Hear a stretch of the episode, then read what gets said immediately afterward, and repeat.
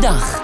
Met Joram Kaat. Een kabelbaan om jezelf van A naar B te vervoeren. Het klinkt misschien als een Efteling-attractie... maar in Amsterdam zou het zomaar eens werkelijkheid kunnen worden. De gemeente Amsterdam is al langere tijd bezig met het project. Een sprong over het ei, zo heet het. Deze kabelbaan zou naast een Oost- en Westbrug perspectief moeten bieden... voor het vervoersprobleem in Amsterdam-Noord. De gemeentecoalitie die is om. PvdA, GroenLinks en D66 hebben hun steun uitgesproken... voor een verder onderzoek naar de bouw van een kabelbaan. Ik ga erover praten met D66-raadslid Elise Moeskops... en met Bas Kok. Hij schreef het boek Oerknal aan het ei. Uh, welkom beiden. Meneer Kok, waar gaat uw boek over in het kort? over de Amsterdam-Noord, over de geschiedenis tot en met het heden. En uh, één hoofdstuk is de geschiedenis van geen brug over het ei. Oké, want die geschiedenis die, die duurt al even. Uh, ja. U bent dus al veel met dat stadsdeel bezig. Zeker, ja. Um, ziet u dat er een vervoersprobleem heerst bij het ei? Enorm. Uh, we gaan iedere dag moeten nu zo'n 70 fietsers of voetgangers met, uh, met de ponten over. Hè. Er is 70.000? Ja, dus, dus dat, je hebt het over 24 miljoen mensen per jaar. Die dus niet gewoon kunnen, een, een, brug over kunnen fietsen. Die moeten allemaal dus met, nou ja, met die ponten. En het is een gedoe. Ja, waarom eigenlijk? Ja, hele lang. Je krijgt stuwing, hè? dus uh, in de spits vooral. Dus hele lang dat je ponten moet overslaan. Uh, ponten gaan natuurlijk s'nachts heel weinig. Veel veren gaan dan uit de vaart. Dus het is echt een uh, ja, chockvolle ponten bij festivals en dergelijke. Het is echt een enorm gedoe. Ja. Maar in de jaren twintig noemden ze het al de pontenlende. En dan de jaren twintig van een eeuw geleden. dus het is, het is echt al een, ja, meer dan een eeuw gewoon ellendig. Ja. Wat vindt u van het idee dan van, van een kabelbaan? Ja, dat vind ik wel een grappig idee. Dat is een leuke toeristische attractie... maar niet een serieuze vervoersoptie. Oh, dat is wel de bedoeling volgens mij. Ja, dat is, uh, dat is toch. Uh, het is niet een serieuze optie. Het, is, uh, het heeft een beperkte vervoerswaarde. Het plan is veel te optimistisch doorgerekend. En het ligt precies op de plek waar de brug zou moeten komen. Dus het is volgens mij echt bedoeld om de brug over het ei. ja, een afleidingsmanoeuvre om hem niet te hoeven bouwen. Oké, okay. u zegt dan komt die kabelbaan er in plaats van de brug. Want dat is niet de inzet van de gemeente volgens mij, mevrouw Moeskops van D66. Jullie zijn hartstikke enthousiast over dit plan, hè? Ja, wij zijn uh, stiekem best wel blij uh, met uh, de initiatiefnemers. Het is geen plan van de gemeente. Hè. Het zijn echt twee particulieren die dit aan het optuigen zijn. En wat mij betreft is het helemaal niet in plaats van een, een brug. Maar het is het echt voor erbij. En dan kan het best serieus wat mensen vervoeren. De initiatiefnemers zeggen dat ze zo'n 100 mensen per minuut naar de overkant kunnen brengen in vijf minuutjes. Nou, dat is best fors. Ja, hoe moet ik hem eigenlijk voor me zien? Hoe gaat die kabelbaan eruit zien? Ja, ik denk dat je er een moeilijke voorstelling van kan maken. Want je merkt inderdaad dat uh, veel mensen meteen zo'n heel gezellig, langzaamgaand uh, uh, toeristengondeltjes met z'n tweetjes naast elkaar in hun hoofd hebben. Maar we hebben het echt over grote bakken waar dus 32 mensen tegelijk in kunnen. Uh, die elke 21 seconden vertrekken. Dan een enorme hoogte opklimmen. Zo hoog dat de grote cruiseschepen en grote scheepvaart er onderdoor kan. 100 meter, en dan nog doen ze maar vijf minuten over naar de overkant. Dus het gaat best hard. Ja, en, en het plan komt dus bij particulieren uh, vandaan. Um, 70.000 mensen gebruiken de pont. 4500 mensen kunnen straks gebruik maken van deze kabelbaan. Voor, voor welk probleem is dit een oplossing? Het is vooral het probleem voor een nieuwe wijk die we gaan bouwen. We gaan uh, aan die kant Havenstad bouwen, zo heet deze nieuwe woonwijk. Heel veel mensen uh, moeten daar komen wonen. En daar zit een stukje van in Noord en een stukje van aan de centrumkant. En eigenlijk die verbinding kan je nou, het beste met die kabelbaan doen. Vooral ook omdat die, Oost, die Westbrug, dan moet ik het wel goed blijven zeggen, nog wel even op zich gaat laten wachten. Waarom? Um, ten eerste omdat de andere brug uh, een hogere vervoerswaarde heeft, zoals dat zo mooi uh, heet. Uh, en centjes en middelen zijn beperkt, dus die ga je eerst bouwen. En eigenlijk zou die brug aan de andere kant ook, laten we zeggen economisch pas zin hebben als die wijk helemaal af is. Maar dan moet je nog gaan bouwen en dan ben je een brug bouwen duurt jaren. En een kabelbaan kan je in een anderhalf, twee jaar zou je die uit de grond moeten kunnen stampen. Met als beste nieuws dat als je hem niet meer nodig hebt, omdat die brug zo succesvol is om een andere reden, kan je hem ook weer uit elkaar halen en ergens anders uh, neerzetten. Okay. Zoals de Floriade bewezen heeft, hè, zeg maar. Ja, dat is ook een groot succes. Wat, wat, wat, nou, nee. wat gaat die kosten eigenlijk, die kabelbaan? Nou, geen belastingcent is het idee. In elk geval. Uh, ik weet van de initiatiefnemers dat toen zij uh, in 2019 zijn zij door de raad gegaan met... hey, de raad vindt dit wel een goed idee. Toen zaten ze op ongeveer 120.000 euro wat zij zouden investeren. Er zit ondertussen is het een ander traject geworden, meer naar het, uh, naar het westen. Is een wat langer traject, zou die iets duurder worden. Maar ja, is eigenlijk niet het probleem van de gemeente. Want zij zeggen dat ze dit kunnen financieren. Ze vragen aan ons basically het fietspad er naartoe.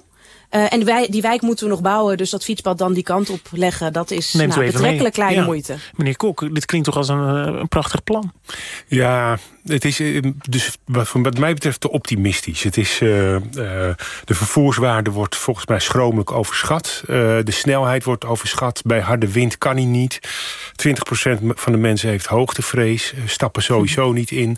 Een fietser neemt twee keer zoveel plaats in of drie keer zoveel plaats in. Maar het kost de gemeente geen geld. Het is een ja. Dat is, dat is, dan vind ik het al. Dan gaan bij mij echt alle alarmbellen af. De gemeente die, ze, die eigenlijk denkt, nou leuk, dan uh, doen we maar gratis een kermisattractie. Baat het niet en schaadt het niet. Nou, het schaadt wel, want op die plek heb je dus opeens een argument gecreëerd van, ja, we hebben toch niet alles, al die moeite gedaan op diezelfde plek om nu uh, dat weg te halen en een brug te bouwen. Dus het is hartstikke link eigenlijk. Dus we moeten dat, uh, als we hem doen, moeten we hem ergens als toeristische attractie neerzetten. Okay. En dat die gratis is, vind ik wel een zwaktebod voor een gemeente. Er is juist aan die kant, dat is de dichtbevolkte kant van Amsterdam. Hè, er woont uh, twee derde van de grachtengordel. En in, in Noord is dat exploderend, de NDSM, die wijken. Dus het is chockvol daar op dit moment. Dus uh, zonder havenstad. Dus juist aan die kant moet met de hoogste prioriteit uh, een stevige brug gebouwd worden. En geen enkel afstel. Dus een kabelbaan gaat onderzoek opleveren. Nou, dan weet ik het al zeker. over drie, vier jaar blijkt het niet financierbaar, blijkt het niet realistisch. Zijn we wel drie jaar en is die oever volbouwd. En ja, dan is er geen ruimte meer voor een brug. Dus hartstikke gevaarlijk. Mevrouw Moeskops, van uitstel komt afstel, zegt meneer Kok.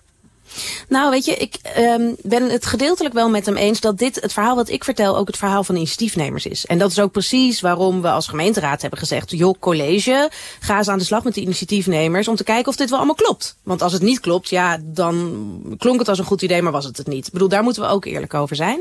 Nou, het college is nu aan de slag, vervoerregio's aangesloten. Dat is uh, eigenlijk de baas van het openbaar vervoer in de hele regio uh, Amsterdam, inclusief Zaanstad en zo. Uh, en die hebben ook gezegd, ja, dit zou een toevoeging op ons openbaar vervoerssysteem uh, kunnen zijn. En daarmee hebben ze nu dus ook al bijvoorbeeld de toezegging dat ze onder het OV-systeem mogen gaan rijden. Dus je gaat inchecken met je OV-chipkaart, zeg maar, of tegenwoordig met je bankpas. Uh, en het zijn dus ook de tarieven voor het OV om over te steken. Nou, dat vind ik al wel. Kijk, ik kan niet aan de achterkant kijken bij die ambtelijke gesprekken en initiatiefnemers. Daar moet ik op wachten als gemeenteraadslid tot er een compleet voorstel ligt. Dan gaan we dat eerlijk beoordelen. Hè? Want als alles wat ik net gezegd heb niet waar blijkt te zijn, ja, dan niet, weet je wel, zo. Zo simpel is het ook. Maar laten we nou gewoon de vrijheid nemen om zo'n idee door te ontwikkelen en te kijken of het wel wat oplevert.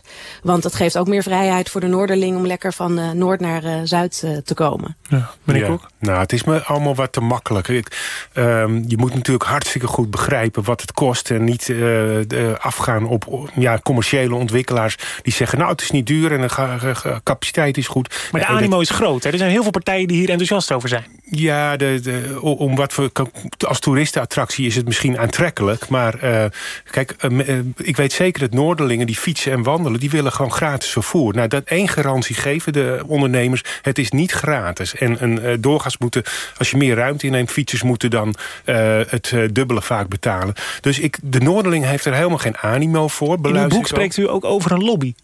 Ja, er is een nautische lobby uh, al jarenlang. En die zit daar volgens mij achter om die brug te steunen. Het zijn gigantisch machtige partijen. Dan heb je het over de haven, over de passenger terminal. Dus al, allerlei... De grote cruiseschepen, ja, de grote cruiseschepen, precies. En die hebben alle belang bij dat die bruggen er niet komen. Want die vinden bruggen vervelend. Dat is uh, in de weg liggend. En die uh, steunen dus eigenlijk een, een, plan van ondernemers... waarvan ik denk geinig, maar dat redden ze nooit. En pardoes zijn die opeens geaccepteerd. Nou, wie steunen dat? Dat zijn dus onder andere uh, die, die, partijen.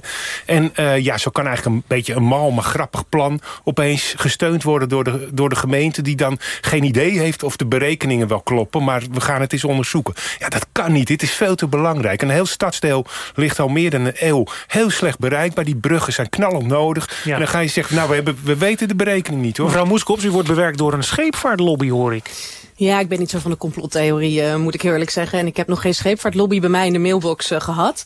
Um, maar ja, kijk, nogmaals, een onderzoek is een onderzoek. Dat, dat is wat het is. Uh, ja, we werken mee om te kijken of dit inderdaad zo is. En dat is juist de bedoeling, hè? Want het is dus juist niet zomaar klakkeloos aannemen wat de initiatiefnemers zeggen. Het is dus juist goed kijken naar wat er ook daadwerkelijk uh, bereid kan worden en welke afspraken we kunnen maken. He, want het is inderdaad ook wel zo, ja, tegen OV-tarief, zij zeggen dat ze daarmee uitkomen, ja, dan gaan we dat ook vastleggen, wat ja. mij betreft. Dan mag het niet in één keer een jaar na bouw zeggen, nee, we komen toch niet uit, het wordt in één keer 10 euro per kaartje.